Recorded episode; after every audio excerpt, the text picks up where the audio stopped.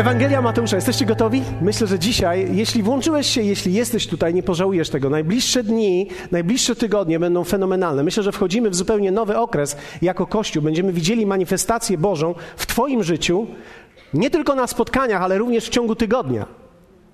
Będziesz widział i zobaczysz, jak Bóg dotyka i działa i zmienia Twoje życie i rzeczy i obszary, w które do tej pory się zmagałeś, nie będziesz się już więcej zmagał. Za tydzień w ogóle mamy bardzo interesujące spotkanie, że nie, dlatego że nie tylko będziemy tutaj razem i ci, którzy są po drugiej stronie, ale włączają się do tego spotkania naszego dwa kościoły w Bydgoszczy i w Słupsku. Tak więc będziemy mieli całe kościoły dwa podłączone do nas. I będziemy wspólnie razem jedną rodziną. Także nie może Ciebie zabraknąć. Mateusza 14, 13, 20. A gdy Jezus o tym usłyszał, oddalił się stamtąd. Jezus usłyszał o śmierci Jana, jeśli ktoś z Was ma wątpliwość, o czym Jezus usłyszał. Oddalił się stamtąd w łodzi na miejsce puste na osobność, a kiedy o tym usłyszał lud, poszedł za nim z miast piechotą. I wyszedłszy ujrzał mnóstwo ludu i zlitował się nad nimi i uzdrowił chorych spośród nich. A gdy nastał wieczór, przystąpili do niego uczniowie jego i rzekli: Miejsce to jest puste, a godzina jest późna, rozpuść więc ten lud, aby poszedł do wiosek i kupił sobie żywności. A Jezus rzekł im: Nie trzeba, żeby odchodzili, dajcie wy im jeść. Oni zaś powiedzieli mu: Mamy tutaj tylko pięć chlebów i dwie ryby. Jeśli ktoś z Was ma pismo święte i lubi podkreślać, możesz podkreślić te słowa tylko. A on rzekł: Przynieście mi je tutaj. I rozkazał ludowi usiąść na trawie, wziął pięć chlebów i dwie ryby, spojrzał w niebo, pobłogosławił, potem chleby łamał i dawał uczniom, a uczniowie ludowi, i jedli wszyscy. I byli nasyceni. I zebrali z pozostałych odrobin dwanaście pełnych koszów. Dwanaście pełnych koszów ktoś jednak pozbierał. Myślę, że wiarą nie jest tylko i wyłącznie rozdawać coś, ale wiarą również jest coś pozbierać. Interesujące jest to, że rzeczywistość Boża w naszym życiu, to dotyczy każdego z nas, każdy z nas z czymkolwiek się w życiu zmaga, odpowiedź, którą potrzebujemy, jest najczęściej bliżej niż myślimy. I dzisiaj chciałbym, abyśmy wspólnie razem zobaczyli, jak błogosławione są resztki.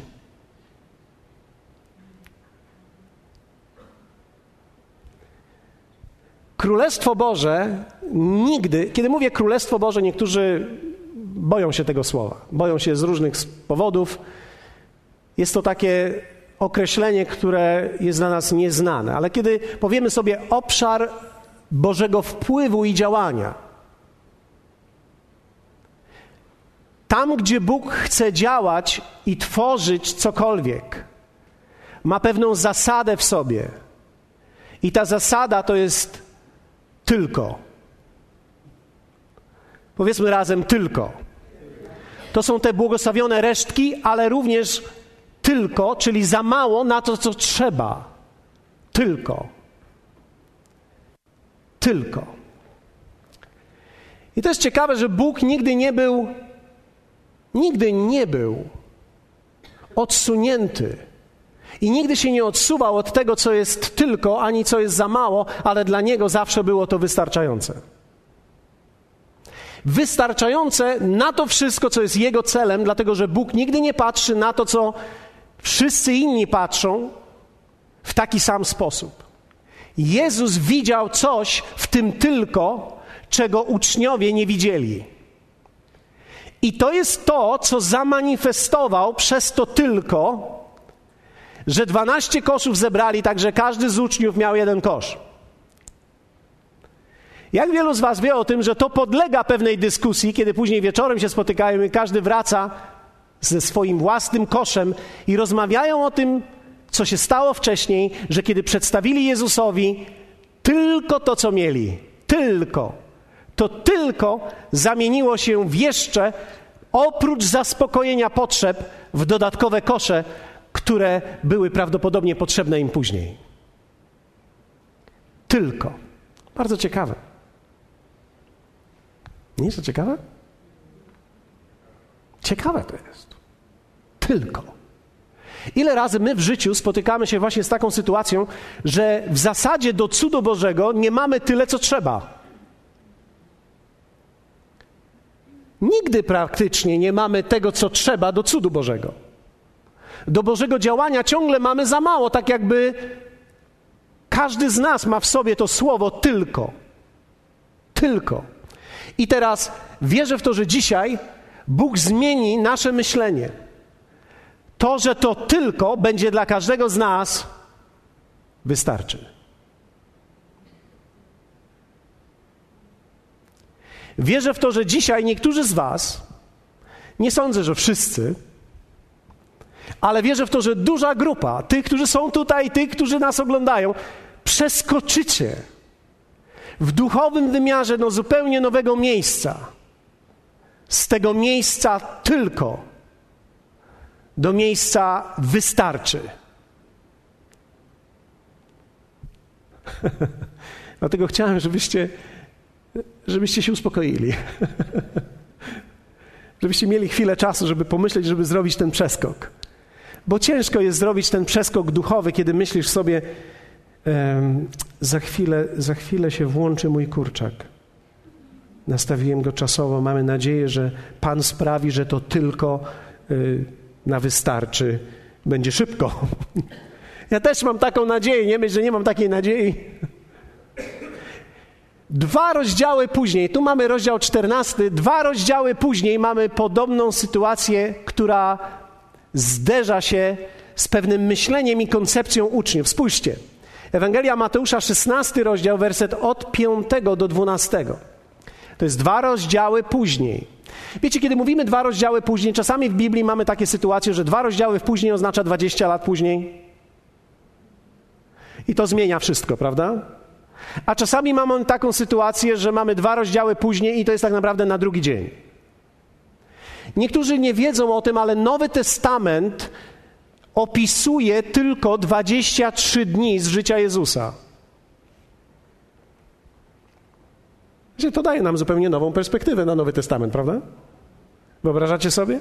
Jezus usługiwał przez trzy lata 365 dni razy 300, e, plus 365 plus 300 razy 3. To jest ile? Niektórzy wiedzą już doskonale. Ponad tysiąc dni. Tymczasem my mamy tutaj 23 dni opisane, więc kiedy mamy przeskok dwa rozdziały później, to nie jest parę lat później. Tylko prawdopodobnie to jest na drugi dzień. I teraz zobaczcie. A gdy się uczniowie przeprawili na drugi brzeg, Zapomnieli wziąć chleba. Jak mi się to podoba, że ciągle dotyczy to tego samego tematu. Wyobraźcie sobie, że jesteś z Mesjaszem, jesteś z tym, który dokonuje nieprawdopodobnie wielkich cudów, i nagle jedyna rozmowa i to, co Ciebie interesuje, to jest to: no, nie wzięliśmy chleba. I Jezus rzekł im: Miejcie się na baczności i strzeżcie się kwasu faryzeuszów i sadyceuszów. Oni zaś, wiecie, Jezus wtrącił się w tą rozmowę. Zwróćcie uwagę, Jezus, oni rozmawiają, że nie, nie, wzięli chleba, i Jezus wtrąca się w tą rozmowę i mówi do nich: strzeżcie się kwasu faryzeuszów i sadyceuszów. Nic się z nimi nie dzieje. Oni zaś rozprawiali między sobą i mówili dalej: Nie wzięliśmy chleba. A gdy Jezus to zauważył, że jego wtrącenie nic nie zmieniło, Powiedział do nich małowierni. Słowo małowierni dokładnie w greckim oznacza ludzie, którzy są dziecięcej wiary.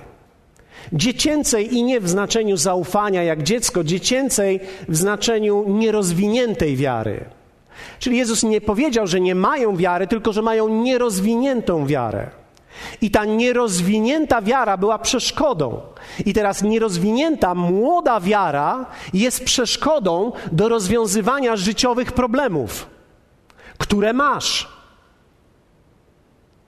Czyli jeśli Twoja wiara nie będzie dojrzewać, będziesz miał ciągle te same problemy.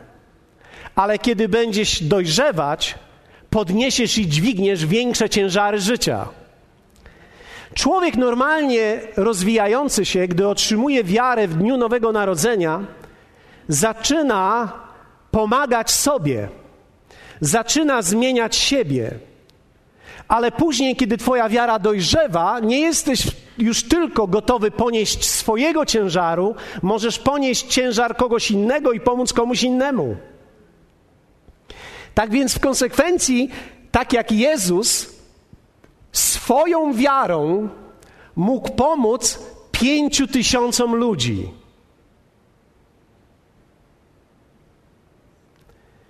Nikt z tych pięciu tysięcy ludzi nie miał wiary, że będą mieli co jeść. Jezus ją miał. I Jezus spojrzał na to, co było, co zostało mu przyniesione.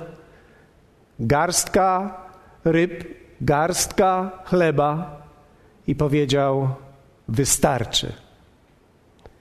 Oni mówią tylko, a on mówi: Przynieście mi to. Przynieście mi to. Użyję to. I teraz następnego dnia lub dwa dni później uczniowie mówią: Nie wzięliśmy chleba. Jezus mówi: Uważajcie na kwas faryzeuszów i sadyceuczów. Małowierni, czemu rozprawiacie nad tym, że chleba nie macie? Jezus próbuje im tłumaczyć. Jeszcze nie rozumiecie, ani, teraz spójrzcie, podkreślcie, jeśli ktoś z Was podkreśla w Biblii, to jest bardzo ważne. Jezus zadał pytanie, i kiedy Jezus zadaje pytanie, zadaje bardzo ważne pytanie. On zadaje tak: Jeszcze nie rozumiecie i nie pamiętacie? Nie rozumiecie i nie pamiętacie? Zrozumienie jest bardzo ważne. Czyli zrozumienie tego, co się stało. Nie tylko muszę pamiętać to, co on zrobił, muszę również zacząć rozumieć to, co on zrobił. On pyta tak. Nie pamiętacie tych pięciu chlebów i pięciu tysięcy? Ile koszów zebraliście? A oni, ani tych siedmiu chlebów dla czterech tysięcy, ile koszów zebraliście? Rozmnożenia były dwa. Jakże to jest, że nie rozumiecie? Iż wam nie o chlebie mówiłem. Strzeżcie się kwasu faryzeuszów i sadyceuszów. Wtedy zrozumieli, że nie mówił, aby się wystrzegali kwasu chlebowego, lecz nauki faryzeuszów i sadyceuszów. To jest bardzo ciekawe. Dlatego, że kiedy Jezus, pamiętacie, oni powiedzieli tak, nie mamy chleba, zaczęli ze sobą rozmawiać, Jezus powiedział do nich, uważajcie na kwas faryzeuszów i sadyceuszów i to słowo kwas to jest zaczyn, to jest coś, co fermentuje. Oni skojarzyli to z chlebem, ale on im nie o chlebie mówił. On im mówił o nauce faryzeuszów i sadyceuszów. Kwas faryzeuszy, musimy powiedzieć o tym, co to jest, dlatego że to jest bardzo ważne dla Twojego i dla mojego życia. Kwas faryzeuszów, kwas faryzeuszów wygląda tak. Bóg jest w centrum życia. Wszystko kręci się wokół Boga. Jestem religijny, chodzę do kościoła, odmawiam pacierz, robię wszystko, co trzeba. Jak coś mi zginie, to mam świętego, który za to odpowiada. Jeśli coś jest nie tak, to zaraz próbuję się pomodlić i wywrzeć jakieś presje na Bogu, ale w zasadzie, w zasadzie jestem zajęty obrzędem bardziej niż tym Bogiem, który jest w centrum. Kwas faryzeuszów polega na tym, że mamy obrządek, mamy aktywność wokół świątyni i wokół Boga, tylko ten Bóg jest bezosobowy i nic nie może.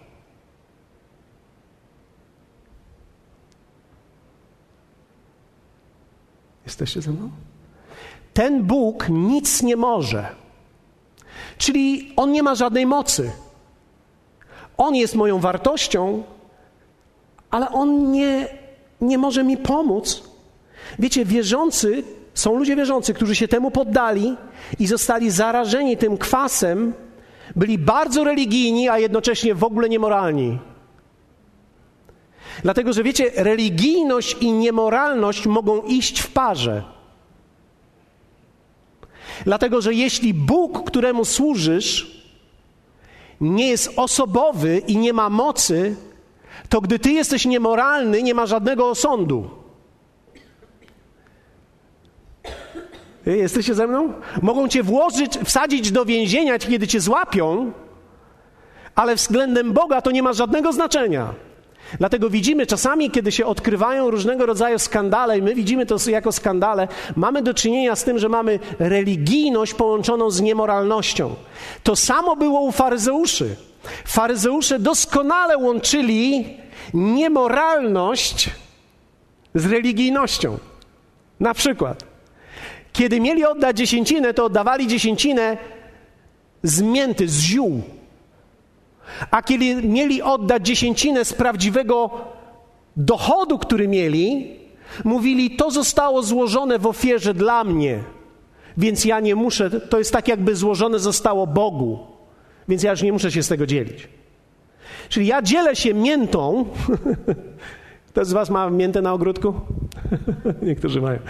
Wiecie, ja się podzielę miętą, ale nie podzielę się tym. Jestem niemoralny. I teraz Niemoralność polegała na tym, że oni oszczędzali na jedzeniu własnym, ale odwiedzali innych w ramach pobożności i tam wyjadali i objadali jeszcze napowiedziane wdowy. Czyli kobiety, które miały mało, oni żyli na nich. Widzicie, jak niemoralność idzie razem z religijnością? Ale to nie jest ostateczny problem. Chodzi o to, że Bóg przede wszystkim nie ma żadnej mocy i On w zasadzie nie jest żadną osobą. Czy wiecie, że czasami w niektórych kościołach, czasami takie odwiedzam,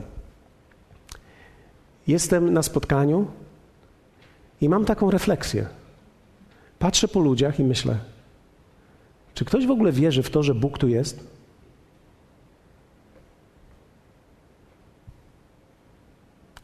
Dlatego, że można odprawiać pewien obrząd. Można być aktywnym. Ale po sercach i twarzach ludzi w ogóle nie widać, jakby on był.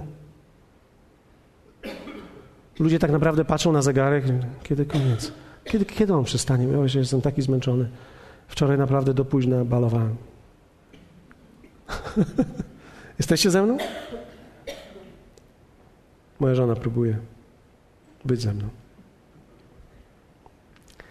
Wierzący, którzy się zarażają kwasem faryzeuszów, będą mówili, zobaczcie, jakie są komentarze w takich wierzących.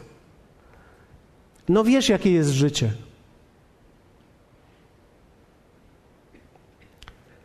Ktoś powie, no cóż, jest tak, jak jest. Czego można wymagać od życia? Niektórzy posuwają się dalej i mówią, widocznie Bóg tak chciał. Widzicie tego Boga w środku, który nie jest osobą? Ja nie wiem nawet, czego on chce. Ja nawet nie wiem, co on myśli. Nie wiem, jaka jest jego wola. Wszystko, cokolwiek się dzieje w życiu, widocznie Bóg tak chciał. I teraz mam taki test, chcę zobaczyć, czy niektórzy z Was weszli w tą frakcję faryzeuszy i czy mają trochę tego kwasu. Zrobię Wam test teraz. Uwaga.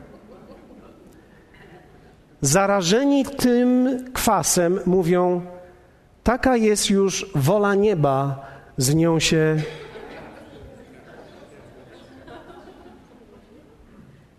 Są tacy tutaj też, którzy dokładnie. Taka jest już wola nieba, z nią się zawsze zgadzać trzeba. Inaczej mówiąc, nie ma wpływu to, co Bóg, Bóg jest zajęty, rozumiecie, że Bóg jest zajęty? Bóg jest zajęty, On jest w tej chwili, Jego oczy są na Ukrainie, Jego oczy są w Iraku, Jego oczy są w Azji, gdzieś tam daleko. Jego oczy prawdopodobnie teraz, wiecie, On się musi zająć poważnymi sprawami, takimi jak, jak prezydent, e, prezydent Polski, prezydent Stanów Zjednoczonych, kilku innych prezydentów. Bóg naprawdę jest zajęty całym wszechświatem. Co od razu mówi mi, że Bóg nie jest zajęty mną. Nie ma czasu dla mnie. Jezus uderzał w to. Jezus uderzał w to bardzo i mówi tak: Czy nie wiecie, że jesteście o wiele ważniejsi niż wszystkie wróble nawet? Czyli tak jak wróble są nieważne, wydawałoby się, że a Bóg się troszczy o nie, o ileż bardziej wy. Czy wiesz, że kiedy jesteś tutaj, ja wszystkich nie widzę, którzy są tutaj, Bóg widzi ciebie, Bóg dokładnie wie, co przeżywasz, Bóg dokładnie wie, z czym się zmagasz. I teraz Kwas faryzeuszy może spowodować to, że będziesz tutaj i będziesz religijny i będziesz w obrządkach, ale Bóg nie będzie miał żadnej mocy, żeby dotrzeć do Twojego życia. Kwas sadyceuszy i był innym kwasem, bo w ogóle frakcja fa, fa, tych sadyceuszy była ciekawa, bo to było reformatorskie stronnictwo kapłanów, którzy pochodzili od kapłana Sadoka, y, ale to była ta wyższa sfera, to bogaci byli. Ta pierwsza klasa. Nie nawet ekonomia plus, nie, nie ekonomia, tylko pierwsza klasa, nawet nie biznes, pierwsza klasa. Elita. To była elita. Wierzący, którzy się tym zarażą, tą elitą, wiecie, oni mieli specyficzne spojrzenie na Jezusa. Wcześniej powiedzieli i żądali znaku. Dlaczego? Ponieważ oni chcieli, żeby Bóg coś pokazał, czy Jezus, żeby coś zrobił i żeby pokazać Jemu, że On nic bez nich nie może zrobić. Dlatego, że sadyceusze mieli dużo pieniędzy i układów. I wiecie, czasami ludzie, którzy mają dużo, mają poczucie, że kontrolują wszystko więc mają poczucie, że Bóg im tak naprawdę nie jest tak bardzo osobowy potrzebny, bo jestem w stanie sobie kupić. Nie muszę się modlić o wakacje, bo po prostu na nie pojadę. Nie muszę się modlić o to, żeby coś mieć, bo po prostu sobie to kupię. Nie muszę modlić się o wiele rzeczy, bo to jest kwestia, wiecie, no, zaradności. I ja nie chcę powiedzieć, że ludzie nie powinni być zaradni. Ale ta frakcja i ten kwas, ten sposób myślenia powoduje, że człowiek w swojej zaradności odchodzi od Boga, bo przestaje od Niego być zależny. I ciekawe jest to, bo frakcja ta i ludzie, którzy się tym zarażą, to jest sposób myślenia. Mówią tak: No przecież manna nie będzie spadać z nieba. Moje pytanie zawsze było: No a skąd ta manna spada? No. Jeśli nie z nieba, no zawsze spada z nieba. No ale dobrze. Niektórzy zarażeni mówią tak: Bóg pomaga tym, którzy sobie sami pomagają. Widzicie, że mamy niewielu takich tutaj? Widzicie, że ta frakcja tutaj nie jest aż tak popularna? Albo niektórzy mówią tak: Jeśli chcesz na kogoś liczyć, jeśli chcesz na kogoś liczyć, licz na siebie. Czyli ja jestem źródłem wszystkiego. Bóg nie jest mi potrzebny. Ciekawe jest to, że kiedy przyglądamy się uważnie pismu, możemy zauważyć, że zasada resztek to jest zasada królestwa. I Twoje życie zawsze, zawsze będzie miało resztkę, którą Bóg będzie mógł użyć, jeśli nie wejdziesz w frakcję faryzeuszów, którzy po prostu tego nie zobaczą, tak jak uczniowie. Chleba nie mamy. Wiecie, czy to nie jest ciekawe, że niedawno, niedawno byłeś świadkiem rozmnożenia chleba i dzień później lub dwa w obecności tego, który rozmnożył, Mówisz, mam problem, nie mam chleba. I tutaj pojawia się Jezus w centrum. Jezus jest w centrum, ale on nie ma mocy, nie ma odpowiedzi na moją potrzebę. I Jezus właśnie do nich powiedział: Czy nie pamiętacie, czy nie rozumiecie? Wystrzegajcie się tego kwasu, wystrzegajcie się tego, że ja będę w waszym życiu postacią, która nic nie może ponieważ ja tu jestem. Jezus dzisiaj mówi do ciebie: On jest w Twoim życiu. I ktoś z Was może powiedzieć: Jeśli On jest, to dlaczego mam coś mało, albo czegoś nie mam, albo jakikolwiek inny mam problem? Odpowiedź jest tylko. Wiecie, kiedy człowiek myśli jak faryzeusze, w tym kwasie faryzeuszy lub sadyceuszy, to tak naprawdę nie widzi tego, co Bóg może zrobić z tym, co on ma. A Bóg kocha używać to, co jest resztką i tym, co jest małe. Więc pierwsza rzecz, którą możesz zobaczyć i doświadczyć Boga, i dzisiaj będziemy na koniec, za chwilę modlili się o te trzy obszary. I wierzę w to, że wielu z Was dzisiaj rozpocznie podróż z miejsca, że co u Ciebie słychać? No nic. Jak było, tak jest. Inaczej mówiąc, w większości mamy do czynienia z kwasem faryzeuszy, czyli Bóg jest centrum. Chodzę do kościoła, modlę się, czytam Biblię, otwieram. Ale ten Jezus, który jest w moim życiu, w ogóle nic nie może mi pomóc. W ogóle nic nie może mi pomóc. I dzisiaj to będziesz miał okazję złamać w swoim życiu. I od dzisiejszego dnia wielu z Was zobaczycie, jak Boże dzieło i Jego królestwo zacznie się rozprzestrzeniać wokół Ciebie. Bo Bogu zależy na Tobie. Bogu zależy na Twojej rodzinie. Bogu zależy na ludziach, którzy są wokół Ciebie. Bogu zależy na przyjaciołach, z którymi pracujesz. Bogu zależy na Twojej mamie, na Twojej cioci, na Twoim synu. Bogu zależy na Twoim mężu. Bogu zależy na ludziach, którzy są wokół Ciebie. I On chce, aby Jego moc i Jego działanie rozprzestrzeniały się w Twoim życiu. Jest tylko jedno zagrożenie. Możesz mieć albo zwrot w stronę kwasu jednego, albo kwasu drugiego.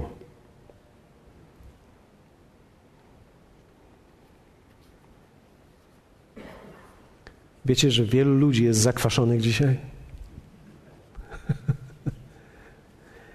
Pierwszy ten obszar to jest on zaopatruje. Co miał chłopiec w Bożych rękach, wystarczyło. To, co miał ten chłopiec, który przyniósł tylko tę małą porcję, Jezus, dajcie mi to, to wystarczy. Dlatego też w Bogu nie masz żadnego braku. To, co masz w swoim życiu, wystarczy, żeby wyprodukować wszystko inne. Wystarczy tylko, że Jemu to poddasz, oddasz Jemu dziękczynienie i z wiarą zaczniesz to łamać. Ktoś może powiedzieć, no łatwo powiedzieć. Ja nie chcę powiedzieć, że łatwo powiedzieć. Bo nie jest to łatwo powiedzieć. Bóg nie chce, żebyś tylko łatwo mówił, Bóg pragnie, abyś tego doświadczył. Jeśli ktoś z Was doświadczył kiedykolwiek Bożego zaopatrzenia, nie ma prawa legalnie nie ufać Jemu. Bo jeśli Bóg zrobił coś raz, to nie dlatego, że mu się coś odwidziało, tylko dlatego to zrobił, że on po prostu taki jest. A on się nie zmienia i nigdy się nie zmieni. Jest wielu ludzi, którzy w to nie wejdą, dlatego że będą zarażeni kwasem i będą mieli Boga być może w centrum, chociaż muszę Wam powiedzieć, że jak się ma Boga w centrum, a on nie jest osobowy, to się człowiek tym nudzi. No bo ile można być takim w cudzysłowiu, wybaczcie, jeśli ktoś z Was, ile można uczestniczyć w obrządku, który mi nic nie daje, z wyjątkiem może poczucia piękna i poczucia spełnionego uczynku dobrego lub też odblokowania mojego sumienia. My mamy pragnienie widzieć Boga w naszym życiu. Każdy człowiek chce go widzieć. Wiecie, zostaliśmy stworzeni, aby go doświadczać w zaopatrzeniu. To, co miała wdowa w Sarepcie, do której został po, posłany prorok Eliasz. Nie wiem, czy ktoś z Was pamięta ten fragment, ale to jest pierwsza królewska 17.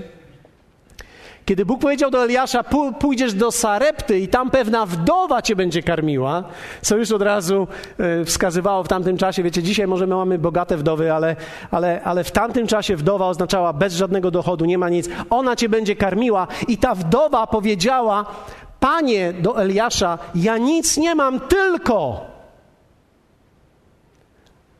wystarczy. Wystarczy. Halleluja. Dzisiaj każdy z Was jest w posiadaniu wystarczającej ilości rzeczy do wytworzenia wszystkiego w życiu, czego potrzebujesz. Nawet jeśli to, co masz, wygląda jako mało, to tak naprawdę w Bożych dłoniach i Twoich dłoniach wystarczy. Chyba, że Bóg jest tutaj i nie jest osobą i nic nie może zrobić. Powiedzmy razem, wystarczy. Niektórzy z Was mogą sobie to zapisać, ale Twoje myśli są jak autostrada, po której Bóg się porusza. Jeśli one nie są właściwe, blokujesz Boże działanie. To był problem uczniów. Oni przez swoje myślenie blokowali Boże działanie. I my dzisiaj możemy zdecydować: nie będę myślał jak faryzeusze, nie będę myślał jak sadyceusze, nie będę zarażony tym kwasem, będę ufał Bogu, bo mało nie jest za mało. On uzdrawia z resztek. Druga rzecz to jest On uzdrawia. Wiecie, niektórzy ludzie myślą, że do uzdrowienia trzeba pojechać gdzieś bardzo daleko, ale tak naprawdę do uzdrowienia zawsze wystarczały resztki. Pewna kobieta powiedziała: Jeśli się dotknę tylko krańca jego szaty, gdy będzie przechodził, będę uzdrowiona. Ona miała wiarę w tą resztkę szaty, której się mogła dotknąć. Ona nie potrzebowała, żeby Jezus do niej przyszedł. Ona nie potrzebowała, żeby się na niej skoncentrował, żeby ją wszyscy otoczyli i nalali na nią olej uzdrowienia. Ona powiedziała: Jeśli się tylko dotknę krańca jego szaty, to wystarczy. Wystarczy. Wystarczy. Gdy nawet teraz siedzi ktoś z Was z wiarą i powie: Mam chorobę teraz. Jesteś w atmosferze uzdrowienia.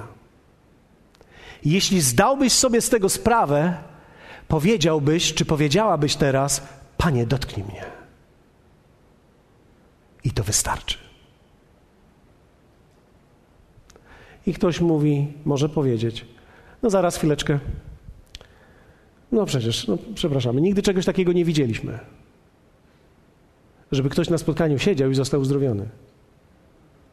To, że czegoś nie widzieliśmy, nie oznacza, że to jest niemożliwe.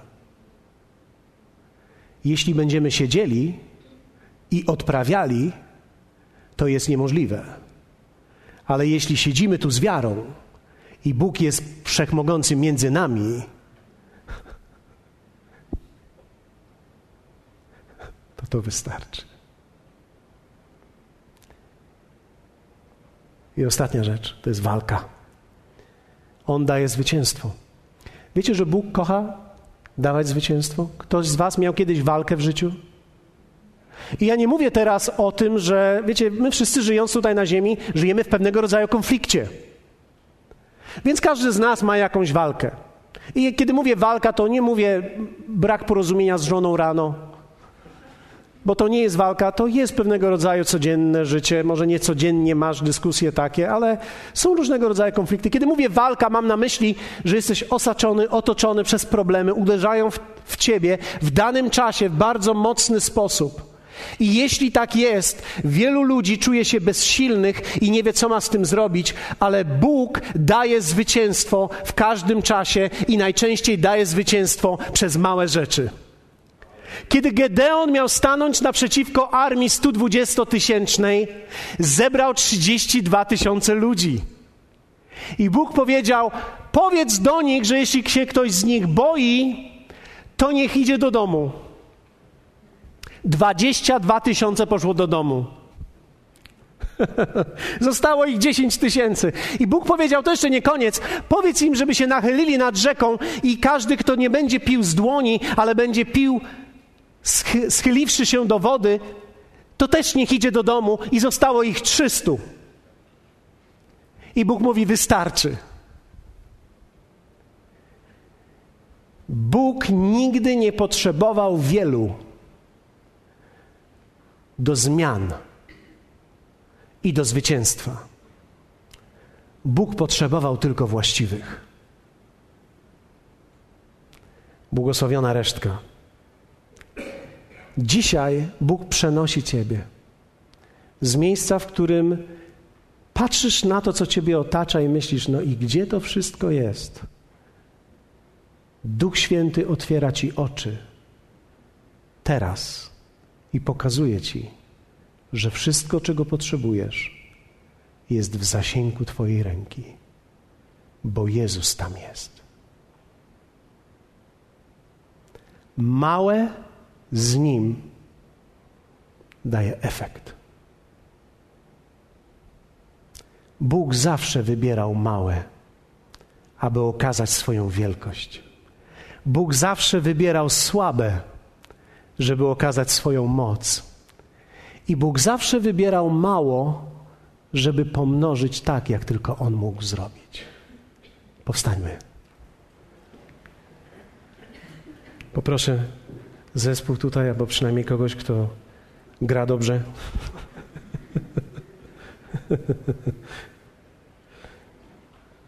Resztka wystarczyła. Chciałbym, żebyście przyjęli to dzisiaj. Modlę się, aby Duch Święty dzisiaj, w tej chwili rozświetlał to w Was. Musisz gdzieś wewnątrz siebie głęboko powiedzieć: Nie zarażę się sposobem myślenia faryzeuszy. Że kręcę się w życiu wokół Boga, ale i tak z tego nic nie ma.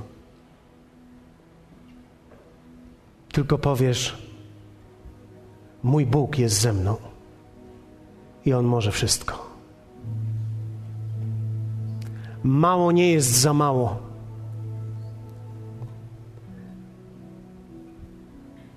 Dwie ryby i pięć chlebów wystarczy.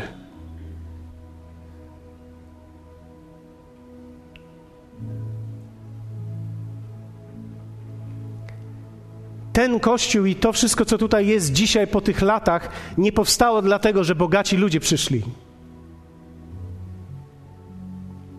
Myślę, że z nikt z nas tutaj, nie chcę nikogo z Was obrażać, nikogo, ani tego, kto ogląda, ani nikogo, kto jest tutaj. Nikt z nas tutaj prawdopodobnie nie jest w tej kategorii bogatych. Kiedy zaczynaliśmy, nie było ani jednego samochodu na parkingu. Tak bogaci byliśmy. Jak się zeszliśmy, to było już dobrze. Wcale nie jesteśmy w najbogatszym miejscu w kraju. Nie chcę powiedzieć, że jesteśmy w najbiedniejszym, ale wcale nie jesteśmy w najbogatszym. Są większe aglomeracje i o wiele większe miejsca i bardziej dynamicznie rozwijające się niż to miejsce. Ale Bóg nigdy nie patrzył na to, czy to jest wielkie, wystarczająco ale z tym małym, co mieliśmy, on powiedział: Wystarczy. Za każdym razem, kiedy zbieramy ofiary, niektórzy myślą: Mój Boże, ile tu pieniędzy musi wpływać? Powiem Ci, za każdym razem z drżeniem zastanawiamy się, jak dotrwamy do kolejnego tygodnia i miesiąca i zastanawiamy się, czy Bóg będzie razem z nami w tym wszystkim, co jest Jego wolą. I uciekamy i robimy wszystko, co możemy, żeby nie być ani w tej frakcji faryzeuszów, ani sadyceuszów. Kiedy wróciłem tutaj i stanąłem dzisiaj w biurze, czułem, jak Bóg mówi do mnie: zacznijcie się rozglądać za kolejnymi budynkami. Ja mówię, panie, ledwo możemy dopiąć ten i dokleić. Każde wiaderko pucu tu jest na wagę złota. A z drugiej strony Bóg mówi do mnie: Nigdy nie ograniczaj mnie przez to, co widzisz, ale zacznij widzieć to, co jest w moim królestwie i na moim tronie, w moich możliwościach i w moim obszarze, bo przyjdą czasy, że nie tylko będziecie budować, ale będziecie wysyłać Skąd? Jak? Jest tak mało, tak małe. O, Bóg mówi: wystarczy. Jeśli znajdę ludzi i znajdę kogoś, kto mi zaufa, że wystarczy, to wystarczy. musisz sam w sobie powiedzieć również: Jeśli Bóg jest ze mną, to to, co mam, wystarczy. Nigdy nie przestaniemy wierzyć Bogu. Nawet o tych niesłyszących, którzy są razem z nami. Dzisiaj migają, ale my wierzymy w to, że atmosfera i namaszczenie Boże będzie podnosiło się do takiego stopnia, że któregoś dnia zapomną o tym języku i będą śpiewać i mówić i słyszeć wszystko. Ktoś może powiedzieć, a jak to jest możliwe, jeśli teraz się to nie dzieje, skąd wiemy, że tak się stanie? Wiemy, że tak się stanie, bo atmosfera Boża to uczyni, a ona się podnosi z wiarą. Wia atmosfera wiary może rosnąć. I ja już dzisiaj widzę, jak ona rośnie w tym miejscu. Atmosfera wiary, ponieważ wielu ludzi, być może ty jesteś jednym z nich, kto to zmienia. Być może właśnie Ty jesteś tym, który sprawia to, że mówisz do samego siebie: skończę z tą słabością. To wiem, że to mnie pokonywało przez cały czas, to pokonywało mnie przez całe życie, ale to jest koniec tej słabości, ponieważ większy jest ten, który jest we mnie, od tego, który jest przeciwko mnie, tego, który jest w świecie. Wiecie, kiedy Jezus. Poproszę teraz Poproszę tych, którzy będą reprezentowali stanowiska. Będziemy mieli jedno stanowisko uzdrowienia, jedno stanowisko zaopatrzenia. Jeśli ktoś z Was jest chory, może podejść tutaj do tego miejsca. Jeśli ktoś z Was jest chory i wierzył o uzdrowienie, może podejść do tego miejsca. Jeśli ktoś z Was wierzy o zaopatrzenie, może podejść tutaj do tego miejsca. Tutaj Marek reprezentuje zaopatrzenie, z Kubą razem będą modlić się o to. I o zwycięstwo. Artur jest zwycięzcą od początku. On ma w sobie ducha zwycięstwa i możesz razem z Arturem tutaj, to będą trzy stanowiska. Ja będę modlił się, jeśli ktoś z Was jest tutaj, na tym miejscu, kto chciałby, podjąłeś decyzję i pomyślałeś sobie, ja bym chciał żyć dla Jezusa. Ja bym chciał służyć Jemu, chciałbym iść za Nim, chciałbym Go poznać. Ja będę dla Ciebie, ja czekam na Ciebie tutaj. Zejdę na dół za chwilę i będę czekał na Ciebie. Czasami czekam tygodniami i nikt nie przychodzi. Mam nadzieję, że dzisiaj to będzie Twój dzień. Ale wiecie, kiedy Jezus miał być pojmany i był w ogrodzie, i kiedy można było już usłyszeć 600-osobową uzbrojoną grupę żołnierzy, która idzie, każdy z nich po dwa miecze, to jest 1200 mieczy.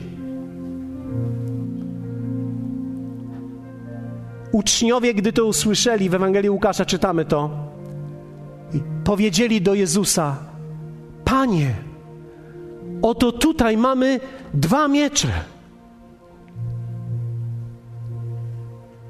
Dwa. Jezus spojrzał na nich. On wiedział, że 1200 mieczy idzie na niego. Powiedzieli: Mamy dwa. A Jezus powiedział: Wystarczy.